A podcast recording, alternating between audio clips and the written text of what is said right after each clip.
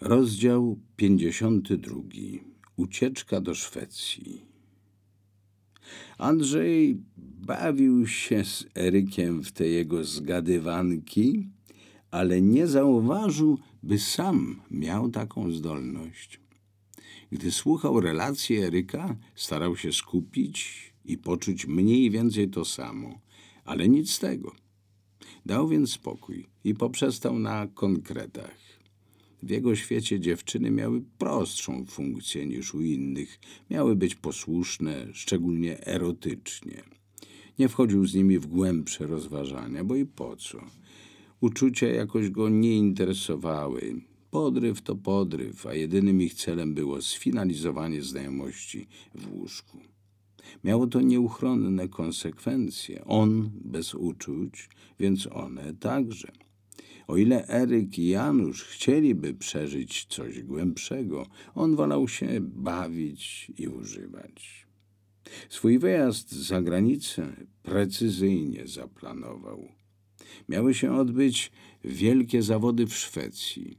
Szwecja może być, czemu nie, pomyślał.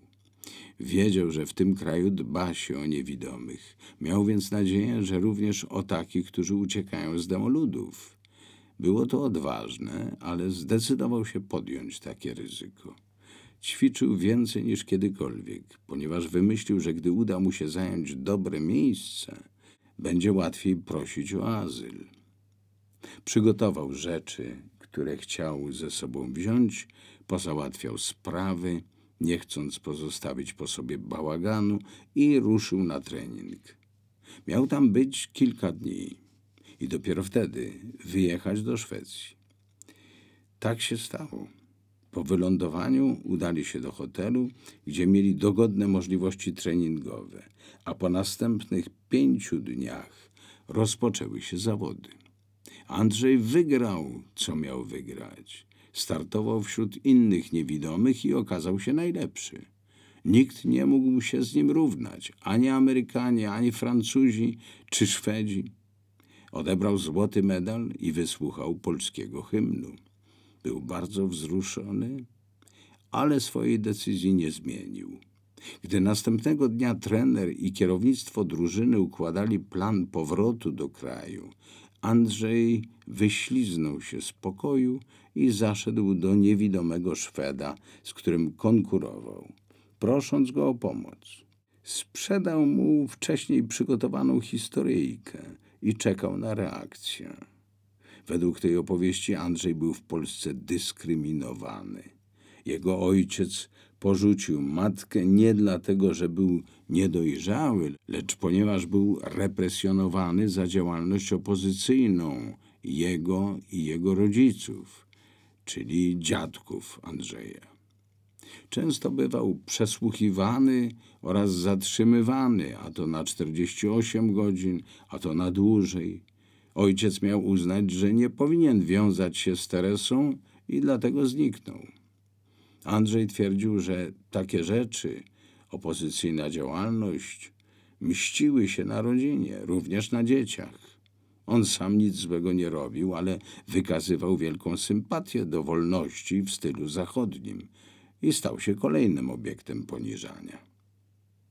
Przekonał kolegę, a ten skontaktował się z przedstawicielami władz. Powtórzył to, co usłyszał od Andrzeja. No i doszło do spotkania z urzędnikami imigracyjnymi. Wiedzieli już o nim wszystko i nie zajęło im dużo czasu podjęcie decyzji o zatrzymaniu go w Szwecji. Taki zdolny, niewidomy sportowiec, medalista. A oni w Polsce tak mu dokuczają, mówili. I nie mogli się nadziwić.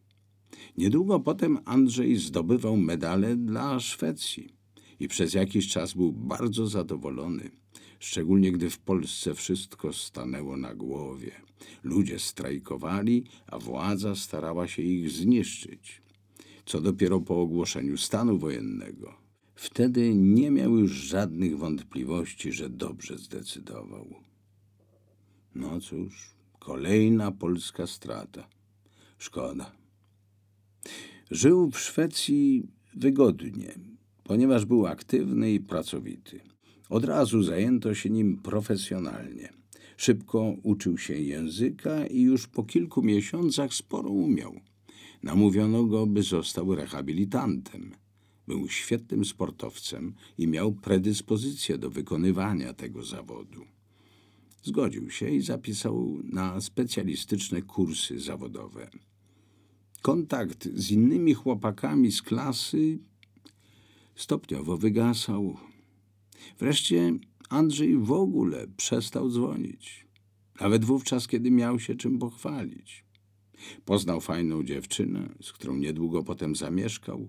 Była Polką bez wykształcenia, osobą pełnosprawną, którą zafascynował optymistycznie nastawiony do wszystkiego, niemal niewidomy chłopak. Rzeczywiście pozostać optymistą po takim wypadku i utracie wzroku to duże osiągnięcie. Eryk i Janusz dowiedzieli się o dziewczynie Andrzeja kilka lat później, kiedy wreszcie do nich zadzwonił. Wtedy mógł już im powiedzieć o swoim ślubie. Gdy to usłyszeli, zrozumieli, że stracili bliskiego przyjaciela na dobre. Pozostało się cieszyć, że dobrze mu się wiedzie. On po kilku kursach został świetnym, dobrze zarabiającym rehabilitantem, a oni zostali w kraju, w polskiej biedzie lat osiemdziesiątych.